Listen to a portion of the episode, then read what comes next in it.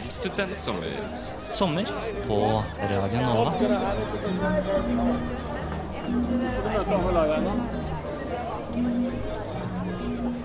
Vi er Studentsommer. Ja, hjertelig velkommen skal du være til en ny utgave av Studentsommer. Yes, og vi er så glad for å være tilbake. Hei. og i studio i dag så er meg, Ingar. Hege Williams. Stig-Gøran Skogvang. Hva er det vi skal eh, gi lytterne våre i dag for noe? Nei, altså vi skal jo ha eh, språkskole med, med meg. Vi har jo eh, Nicole som skal eh, være med, og vi har jo også snakket med Oslo Pride. Det vi, Og så må vi jo ikke glemme at vi skal eh, ha en, eh, en matrett eh, også. Å, det blir spennende. Det er jo ganske nydelig vær i dag. Det var litt overskyet eh, i, i starten her. Ja. Men nå skinner vel sola, gjør det ikke? Bak Jo, det ser litt sånn ut. Jo da, nå så jeg ut av studiovinduet her. Ja. Eh, eh, sola skinner. Og vi har også i dag så har vi med oss eh, utegående reporter Oliver Sten Jansen. Hvor skal du da turen i dag? Jo, i dag skal jeg ta turen til det nye Deichmanske. Det er jo litt over ei uke siden de åpna, så det er jo spennende å høre hvordan besøkstallet har vært. Og ikke minst hvordan det nye biblioteket er. Ja, men vi kommer til å, skal glede oss til det, Oliver. Kommer tilbake til deg senere i sendingen. For en snau uke siden begynte spillefilmen Skal dere gå allerede, regissert av Mona J. Hoel, eh, å rulle over kinolerretene rundt omkring i Norge. Og med oss på telefonen i dag så har vi med oss hovedrollen Nicole Myhrer. Velkommen til eh, Studentsommer. Hei, takk skal du ha. Du har jo vært eh, på fjellet.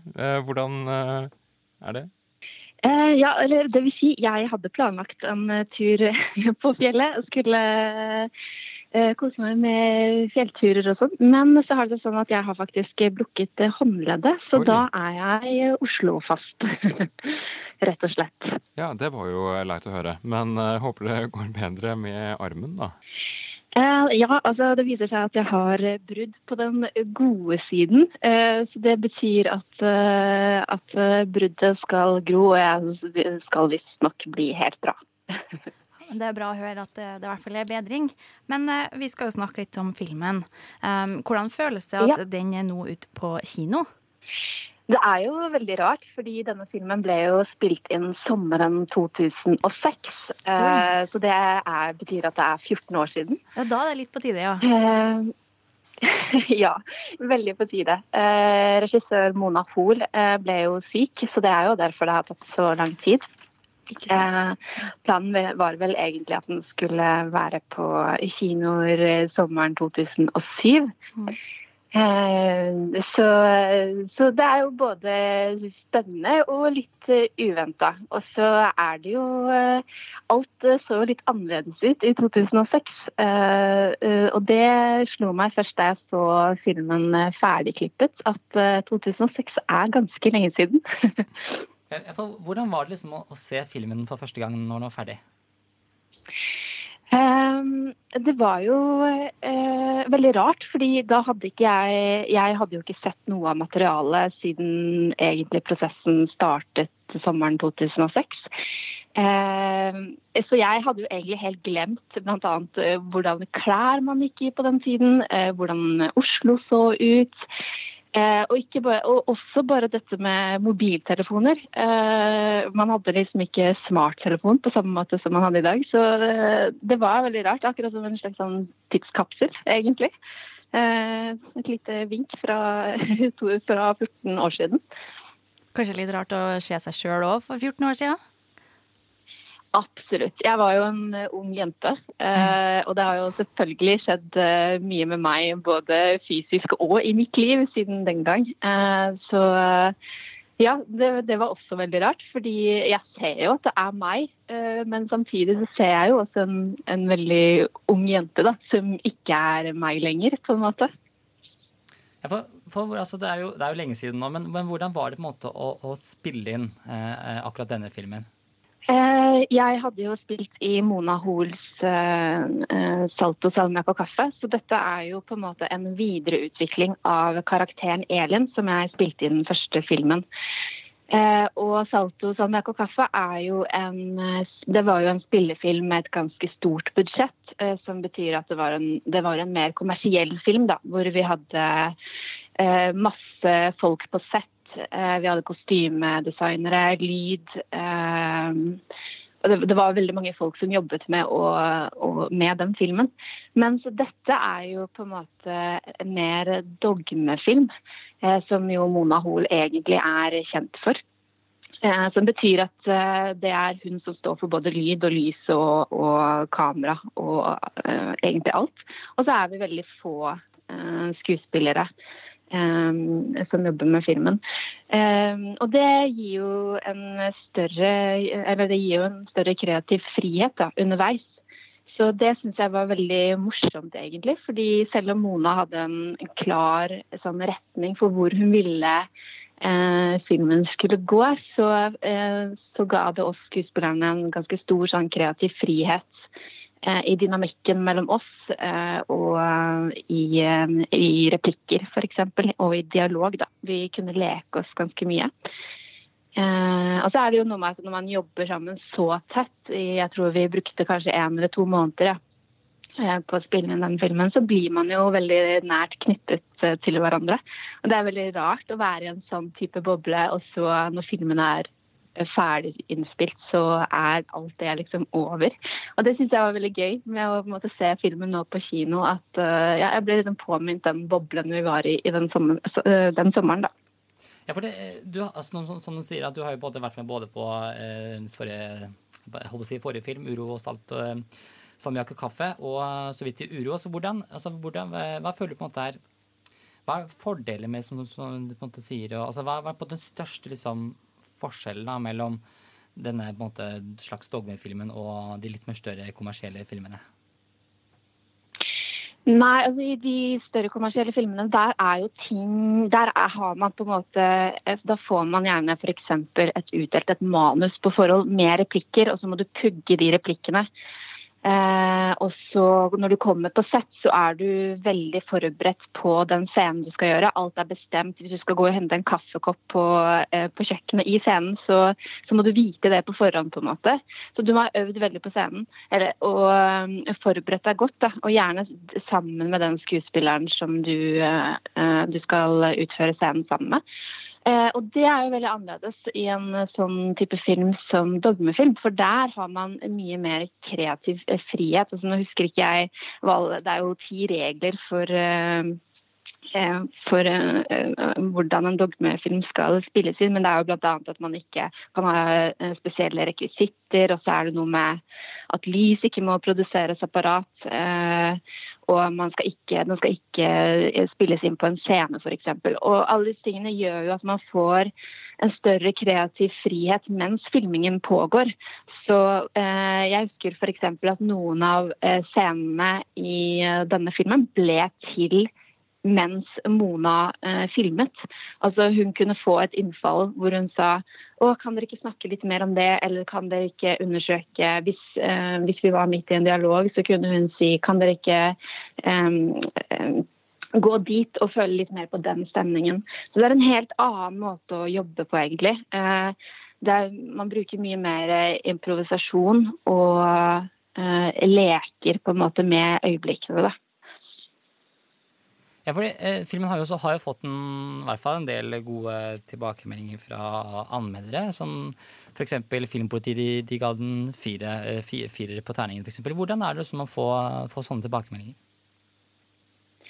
Ja, det er kjempegøy. Og så må jeg si at det er veldig veldig gøy for regissør Mona Hoel, fordi dette er jo virkelig det hun står for. Eh, og, og, dette er jo på en måte hennes eh, kunstneriske verk. og eh, hva skal man si, eh, Hoels måte å liksom lage film på, det skinner jo veldig gjennom i denne filmen. Eh, så det er, Og så er det veldig gøy for oss eh, skuespillere også at, eh, at, filmen på en måte blir så godt mottatt selv om det er 14 år siden. Men det handler vel kanskje om tematikken. At det er, det er eh, et tidløst budskap, da, på en måte. Mm. Så Litt sånn videre til eh, sånn i sommer. Hva er det du egentlig har planer om å gjøre? Nei, i sommer så hadde jeg egentlig planer om å Jeg skulle lære meg å stupe, for det er en ting jeg ikke kan. Og så uh, hadde jeg faktisk meldt meg på kajakkurs. Men så har du Ja, så denne, dette håndleddet mitt gjør jo at det ikke blir mulig, da. Så da har jeg satt det på vent, og så må jeg jo bare prøve å ha det så hyggelig jeg kan i sommer. Eh, brudd i hånden til tross. ja, det må man egentlig nesten satse på. Så uh, håper du på en måte får til uh, de tingene uh, snart, da, eller kanskje sommer 2021 eller noe. No. Så du kan jo ha ja. det på en, eller en liste. Eller? Absolutt. Vi får ønske deg lykke til, Nicole, både med, både med å få bedre at hånden gror igjen etter bruddet, og så må vi jo selvfølgelig eh, oppfordrer alle til å gå og se filmen 'Skal dere gå allerede', som vises på Vika kino i Oslo fremover de nærmeste ukene. Varmt er det, men vi skal over til en eh, viktig hendelse som har skjedd i uka her. Eh, Ingar, har du noe å si? Det er det fordi Oslo Pride det er jo et eh, tidagers arrangement som foregår fra den 19. til 28. juni. Og i dag så skulle jo paradeshowet til årets eh, Oslo Pride foregått i Oslos gater. Men det, kan, eh, men det har derimot blitt litt annerledes i år, eh, spesielt pga. restriksjoner rundt eh, korona. Vi har snakket med talspersonen for Oslo Pride, Fredrik Dreivi, om hvordan årets pride nå blir. Kan du fortelle litt om de endringene som er gjort til årets Oslo Pride? Det kan jeg gjøre. Årets Oslo Pride er jo helt avhengig av å følge smittevernreglene. Og vi har jo et godt samarbeid med myndigheter og alle intensjoner om å fortsette med det. Årets Pride blir digital. Eh, det blir pride, eh, riktignok, men ingen fysiske arrangementer.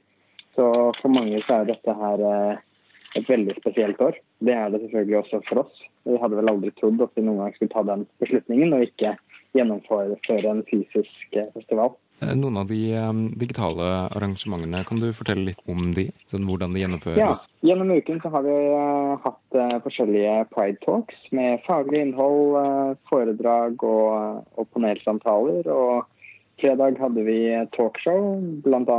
Eh, med utenriksministeren. Og i dag, eh, lørdag, er det jo den store paradedagen. Det er vel kanskje i dag savnet etter pride er aller, aller størst. Og i dag har vi ikke en fysisk parade, men et paradeshow som eh, går til nett, og alt streames eh, gratis på vialive.no. Ettersom det er eh, digitale arrangementer, ikke fysiske arrangementer, så kan jo alle delta, uansett hvor man er. Og informasjon om alle arrangementene finner man på oslopride.no. Og hvis man går inn på vialive.no så finner man streamingene våre. Det finner vi selvfølgelig også på, på våre nettsider. Så der kan man uh, se på streamingene. Vi håper jo at uh, så mange som mulig samles uh, i dag, som, som, er en stor festdag. Og gjerne, gjerne hjemme eller, eller, ute følge streamen. Man kan delta i, i, chatten på siden, eller man kan markere og lage egne pride-markeringer utenfor på våre arrangementer. Og året i år er jo spesielt, med tanke på at det ikke blir noen fysiske arrangementer. Så vi håper jo at flest mulig ønsker å være med og fargelegge byen i regnbuens farger. Henge ut flagget på balkongen. Mal noe hvis du ikke har et flagg. Eh, vær med og feire sammen med oss. Uansett, uh, uansett hvordan uh, du gjør det, så, så, er man med og bidrar til den rettighetskampen da, som som Pride faktisk er. Hvordan har det egentlig vært å arrangere på en måte så stort arrangement som Oslo Pride nå i denne koronaperioden? Har det vært eh, på en måte vanskelig eller eh, utfordrende? Det er klart Dette har jo vært kjempespesielt. Vi hadde jo ingen av oss noen gang trodd at vi skulle avlyse våre fysiske arrangementer, men det var ingen som så eh, for seg hva slags konsekvenser koronaepidemien kom til å føre med seg. Så, um, så, dette har vært et krevende år. Så det er klart at Oslo Pride er et gratisarrangement. Alt vi leverer i år er også åpent og gratis. Men normalt sett så er det jo på en arena, og inntektene til Oslo Pride kommer først og fremst fra offentlig støtte og partnerne våre, eh, men også fra alle inntektene vi får gjennom salg av mat og drikke og støtteprodukter og den typen ting på våre fysiske arenaer. Det er klart at Året i år uten fysisk arrangement er også et utfordrende år for Oslo Pride rent økonomisk. Men mm. først og fremst så er det jo trist at vi ikke kan feire sånn som vi pleier. Og, og festivalen er uh, mye mer enn bare en festival. Vi er en del av en bevegelse.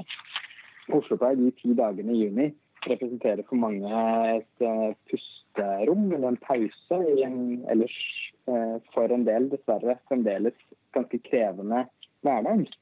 Så det at vi ikke kan eh, bidra og gi folk den eh, pausen eller friminuttet i juni, eh, syns vi selvfølgelig er, er fryktelig leit. Angående neste år, er dere i gang med å lage Oslo Pride neste år? Og hvordan går det med tanker om forhåndsregler for uh, smittevern?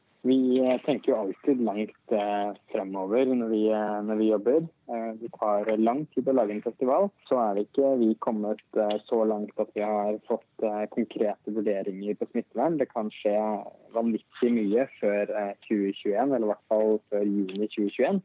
Men vi har fortløpende en tett dialog med kommuner og myndigheter på både smittevern og alle andre ting, og håper selvfølgelig eh, at vi skal kunne ta til gaten igjen i eh, 2021. Noe annet ville jo vært eh, forferdelig trist. Hva er det du i løpet av denne pride-perioden måtte ha gledet deg aller mest over? gleder meg jo stort over paradeshowet i dag. Jeg er kjempeglad for at vi har fått til å skape så mye eh, på tross av koronaen, og syns at det er kjempegøy. Og det er klart at dette, dette er et spesielt år, men pride har vi feiret og fortsetter å feire uh, uavhengig av hva som skjer i, i, verden. Så må vi heller tilpasse oss når det er uh, den type begrensninger som vi har sett i år. Den store paraden for Oslo Pride foregår eh, nå, og du kan se det digitale paradeshowet live fra klokka ett til fire på vrlive.no. Eh, du hørte talspersonen for Oslo Pride, Fredrik Dreyer, og årets, eh, årets livesending sendes fra gamle Deichman. Og vi skal straks ta turen til den nye Deichman, og reporter i saken var Stig-Gøran Skogvang. Happy pride! Du hører på Studentsommer på Radio Nova.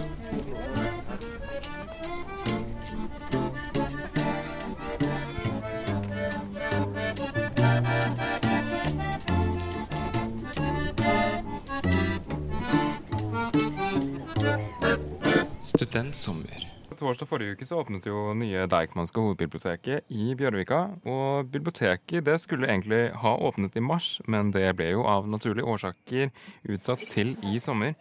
Nå har det gått litt over en uke etter at de åpnet, og med oss direkte fra Deichman så har vi utgående reporter Oliver. Du har flyttet deg inn i bygget siden sist, så hvordan har det? Det har jeg. Eh, jeg er nå inne i nye Deichmanske uh, i, i, tredje etasje. Og det er, ja, det er bøker så langt øyet kan se.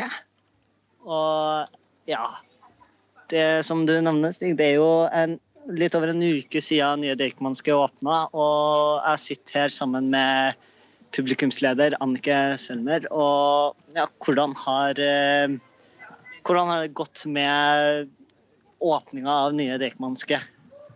Det har gått veldig, veldig bra. Eh, vi er jo kjempeglade for at så mange har lyst til å komme og besøke oss. Vi har hatt et snitt på ca. 6000 besøkende hver dag siden vi åpnet.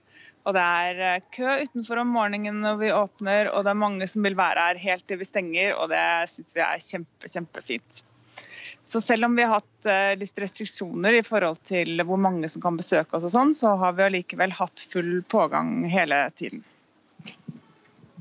Ja, og det er jo Nå er jo kanskje de fleste studentene har vel levert eh, sine eksamen, bachelor og master, men uh, utover høsten så kommer de tilbake. og som jeg har forstått, så har dere ganske gode tilbud for studentene. Kan du fortelle meg litt om dem? Ja, altså Vi har jo veldig godt med leseplasser her i det store og det hele. Vi har ca. 1000 sitteplasser rundt i biblioteket. Og det er jo mange, eh, mange ganger flere enn det vi hadde tidligere. Og så har vi jo eh, vi har ca. 50 PC-er som man kan eh, eh, disponere. Og vi har også tilgang til nett osv. Og så har vi også studieceller som man kan booke. Og vi har eh, møterom og grupperom som er gratis å bruke på kveldstid. Ja, så Hvis dere i studio lurer på hvordan det her studiecellene ser ut, så er det en pen, liten uh, bås som uh, man da har en liten pult, og man har Ja, du har et lite lys ca. en kvadratmeter. og Litt mer enn en kvadratmeter her, men du har da muligheten til å sette der hvis det er ikke er opptatt. Men det er òg sånn at det må bookes. Ja, det kan booke alle, eller De studiecellene kan bookes på nettsidene våre. Akkurat samme som møterommene og grupperommene etter hvert. Akkurat nå er grupperommene stengt pga. smittevernhensyn, men etter hvert så vil vi også åpne dem. Og Alt dette ligger på nettsidene våre under den fanen som heter Vi tilbyr. Jeg har også, ja, har... jeg har også hørt Oliver, om at eh, det er snakk om noen 3D-printere på nye Deichman. Hva, hva er opplegget med det? Ja, det kan jeg høre litt om. Det er jo snakk om noen 3D-printere her på Deichmanske bibliotek. Kan du fortelle meg litt om dem? Ja, Vi har eh, et tilbud som heter Folkeverkstedet, som vi også hadde med fra det gamle hovedbiblioteket, men som er utvidet i stor grad. Så vi har veldig mange forskjellige typer 3D-printere. Noen ganske avanserte, og noen relativt enkle. Eh, og så I tillegg til det så har vi også symaskiner, vi har eh, loddeverksted, vi har noen grafiske PC-er med store tegneprogram og tegneplater osv. Og, så og vi har også en storformatskriver. Og alt dette eller vil bli tilgjengelig for publikum etter hvert. Men uh, også i forhold til smitte, så nå så er det én symaskin og én 3D-printer som er bookbar da, uh, på nettsidene våre. Og når man booker der, da, så man også, kan man få veiledning og hjelp. Etter hvert så skal vi jo kjøre masse kurs og eh, sånn på verkstedet vårt. Men akkurat nå så er dessverre tilbudet litt begrenset, men det er mulig å komme rundt og se det. Og det er jo veldig morsomt å se alle de morsomme tingene. Så det er mange som spør etter det når de kommer hit for første gang. Så vil de gjerne eh, se det verkstedsområdet. Det, så det er åpent for å se, men som sagt så er det litt begrenset tilbud nå. Ja, for ja, Vi sitter jo akkurat nå i tredje etasje, men eh, hvor på biblioteket er det her eh, verkstedområdet? Vi sitter faktisk i fjerde etasje, eh, og verkstedet er i tredje etasje. Sammen med musikkavdelingen og musikkscenen og også en minikino. Og Etter hvert så kommer det også noen filmstasjoner. Og vi har også noen instrumentstasjoner hvor man kan lære seg å spille forskjellige instrumenter, musikkinstrumenter. Og Akkurat nå så er det trommer og piano som er åpent. Og da har vi fått laget instruksjonsvideoer med, i samarbeid med musikere. Eh, så da kan man lære seg f.eks. å spille 'Forelska i læreren'. ja, det er jo veldig fint. for Da har du jo faktisk muligheten til ja, ikke bare å lese bøker, og lære, du kan lære deg musikk. Du kan se film. Eh, du nevnte noen kinosaler. Eh, det er òg sånn som du må booke. Ja, Minikinosalen vår, som er en eh, liten kinosal, den kan man booke på nett nå. Den store kinosalen vår den vil bli forbeholdt eh, altså Den vil man kunne leie senere, men den Akkurat nå så har vi ikke noen filmvisninger i den. Vi har barnefilm to ganger i uken gjennom sommeren, og da blir det vist i den store Deichman-salen nede i kjelleren. Eh, men på sikt så vil vi ha programmert eh, kinoinnhold i eh, den kinoen som har 70 seter i kjelleren. På, på den, mini, på den mini, mini, minisalen, hva slags type filmer er det man kan se der, egentlig?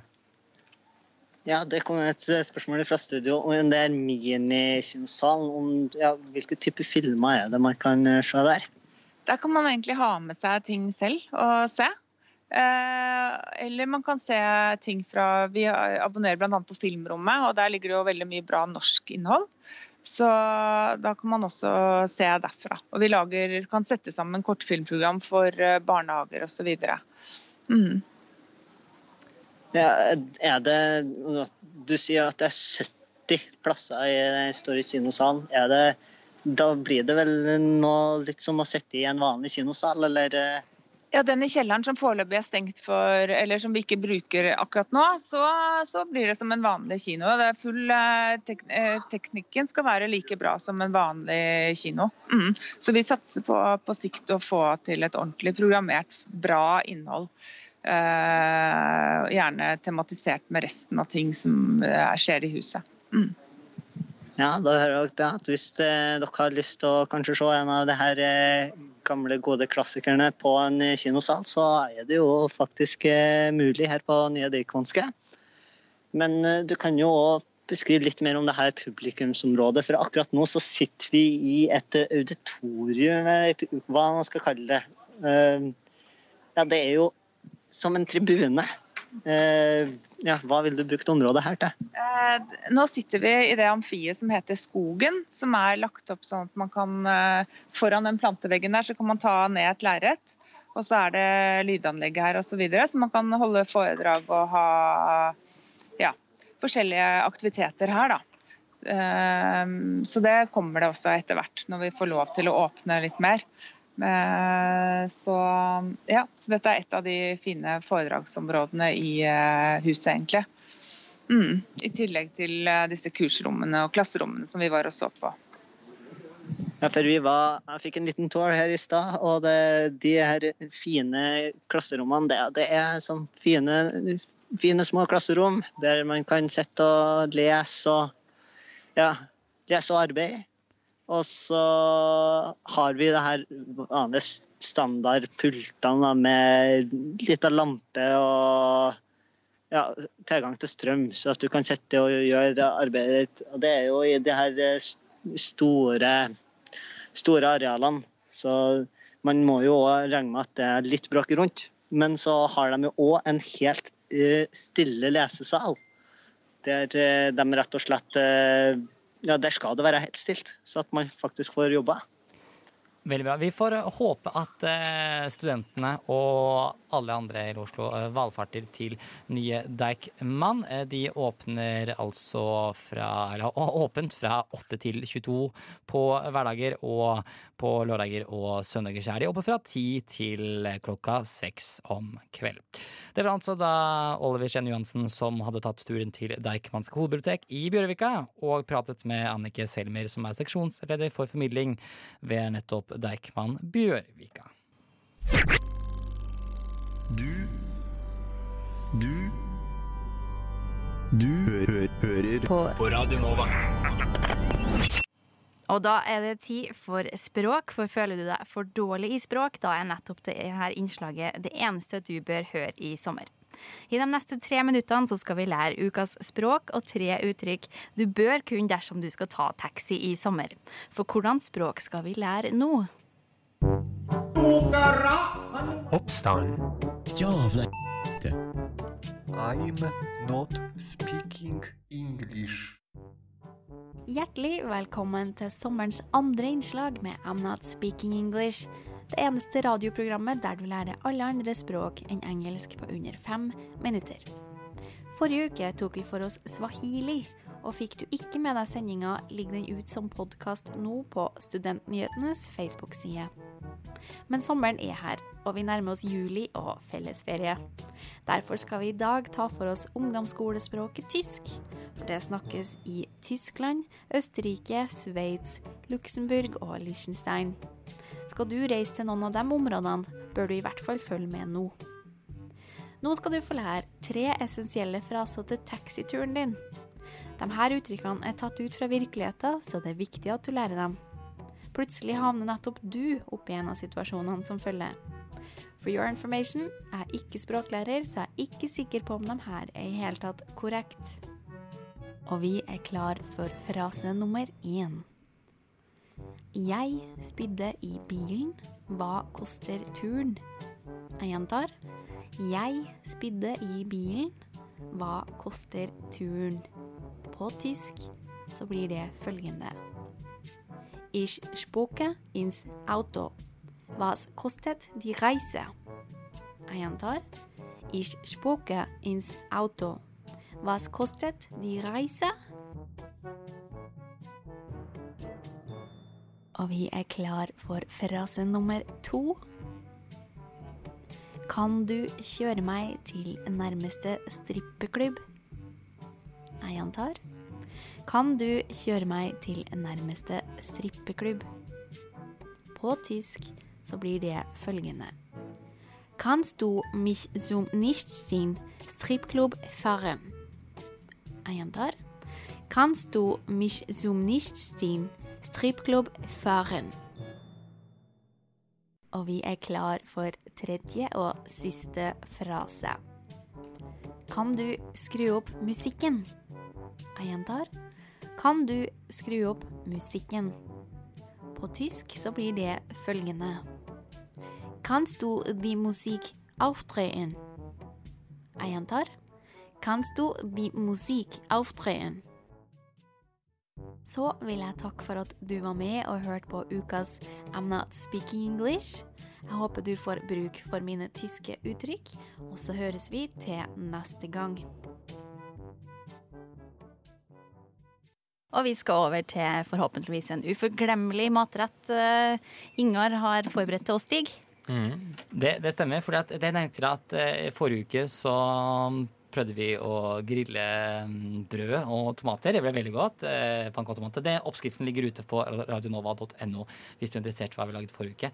Men i dag tenkte jeg vi skulle lage noe helt annet. Vi skal lage noe som er litt mer som et pålegg, men det fungerer også veldig godt i en salat. Eh, Så det er egentlig Det passer eh, både på brødskiva, men også i en salat. Jeg føler det er, det er enkelt igjen. Og det er veldig godt. Eh, dere har fått litt forskjellige ingredienser foran dere. Eh, vi har, jeg har med meg en boks tunfisk. Så har vi lett majones, sylteagurk, rødløk, sitronsaft og litt salt og pepper. Yes. Ok, Dere ser alt foran dere. Yes. Eh, fordi det vi, det vi kan gjøre da, er først å starte med å kutte, kutte løken. Mhm. Hvis du gjør det, Hege. -hmm. Ja. Bare for Kutte da- ja. For da kutter vi løken opp i veldig, veldig små, fine biter. Og så har vi også med oss eh, litt sylteagurk, eh, Stig. Hvis, hvis du kutter eh, Ja, det skal jeg gjøre. Kutter sylteagurkene litt og biter. Og det man egentlig da trenger, er Man trenger ca. to eh, sylteagurkskiver og en halv små, eller en halv rødløk cirka. Og så blander vi Ja, det det så har jeg egentlig bare puttet det oppi den bolla dere har foran dere. Mhm. Lukter veldig godt. Mm, det er jo sånn, sånn Men eh, for å lage tunfiskrøre, som vi skal lage nå, så er det viktigste ingrediensen det er jo nemlig tunfisk. Eh, så eh, hvis du bare heller av vannet på den eh, Ja, det skal jeg gjøre. Litt sånn Oi. Prøver ikke å skvulpe over her. nå. Oh. Stig heller da vann ut av tunfiskboksen. Ja, det må man gjøre. Det er Yes. egentlig, ja, også når du har gjort det, så er det egentlig bare å putte tunfisken eh, oppi eh, bollen. Ja. Der er alt rent helt av, vet du. Viktig å få av all den Ren der. Vi, bruker altså da vannbasert eh, hermetert tunfisk. Eh, Ja, for det her er ikke olje. Skal vi ta-. Det blir, ja, bare putt Skal vi ta hele oppi? Ta hele oppi, du. Ja. Så kan du bruke den gaffelen der. Også, eh, ja, for den, også det, men annen, det kan kanskje det viktigste den, eh, Noen annen viktig ingrediens i denne tunfiskrøret er jo selvfølgelig majones, eh, Hege. Yes. I have the mayonnaise. Og da er det egentlig bare å putte en skikkelig god kladd Skal bare kjøre på. Kjør på. Uh. Det blir aldri Det blir aldri nok, holdt på å si. Hvis vi får ut den uh, majonesen, da. Stig, har du lyst til å ta her? Riste ut magnesen. For det som er viktig, da, det er å, å blande magnesen, tunfisken, rødløken og sylteagurken eh, godt. Så hvis du nå tar gaffelen og så bare bland, prøver du å blande Gaffelen, den har jeg. Røre det rundt så det blir sånn skikkelig røre. Kunne kanskje hatt oppi mer majones? Nei, Ja, eller ja, oppi- kanskje mer majones? Ja, ja, ja. Her bruker vi nok. Eh, man, eh, hvis man ikke har sylteagurk si, Man kan også bruke kapers for å gjøre det litt mer sånn syrlig. Eh, men sylteagurk er jo på en måte kanskje litt enklere å å ha med seg. ha med seg. Og det er også kanskje et enda mer vanlig produkt da, enn eh, her. Men man, man kan også bruke den retten hvis du ikke har sylteagurk hjemme. Så kan også droppe det. Man må ikke ha det. Det er også veldig godt, men bare med løk. Man kan jo også bruke fantasien hvis det er noe man har veldig lyst til å ha oppi. Ja, Man kan ha chili, man kan ha, man kan ha egentlig veldig mye i en tunfiskrøre. OK, har vi blanda godt Nå har vi alt blandet oppi. Hva er neste steg? Jo. Eh, nå skal vi egentlig bare Jeg tror vi tar enda litt mer majones. Og så er, er vi ikke så langt unna dette her. Eh, Det er jo veldig enkelt, men, men dette er jo en, endelig, dette tar litt lengre tid da å lage enn den vi lagde i forrige uke. Yes. Men da satser vi på at det blir enda bedre. Ja. Perfekt. Og så, jo, eh, som jeg skulle si, den siste ingrediensen som er viktig i dette her, er jo litt sånn sitronsaft fra en presset sitron. Da kan man jo enten ha en en halv sitron for eksempel, og presse ut av. Eller man kan kjøpe sånn Man får kjøpe på butikken sånn flaske med sitronsaft fra noen sitroner. Så det er egentlig bare å putte litt oppi der. Ta en klunk. En klunk. Eh, er det klunk? Ja, litt mer. Vi tar Litt mer. Vi tar Vi litt mer. kjører på. Vi er ikke gjerrig med sitron. Nei da. Sånn. Sånn. Og så er det egentlig bare å ta litt salt og pepper. Skal vi se.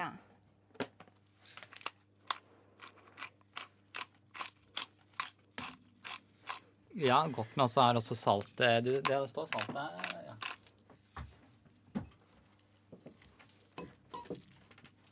Du fikk salt, ja. det, Ja, nei, men det her ser, det ser veldig godt ut. Og så er det egentlig bare å føre det over på eh, litt brød, f.eks. Men dette er også noe man kan bruke i en salat.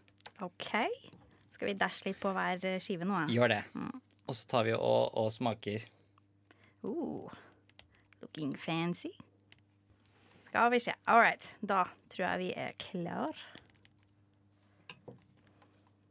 Skal det være en skive? Ja, takk. Skal vi se. Da skal jeg, hvis du tar en skive nå. Hvis jeg tar Sånn. For det er jo også viktig å ikke spise over utstyret til Nova. Det er veldig veldig Pass på det. Skal vi se. Ta en bit, da. All right. Mm. Mm, mm. Jeg syns den var eh, overraskende godt. Det var det.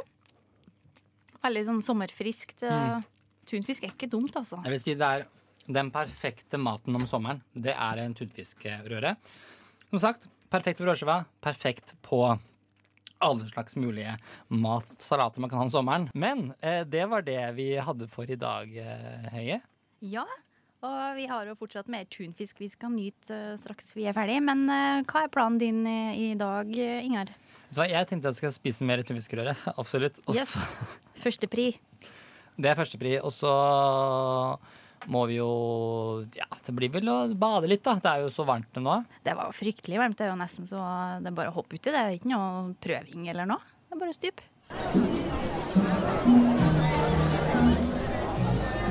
Studentsommer. Sommer på Radio Nova.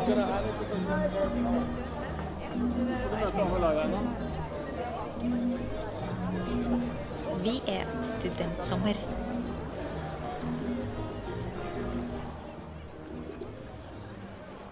Ja, Ge, I dag så har vi jo vært, eh, vi har vært eh, i Deichman og sett hvordan det er der.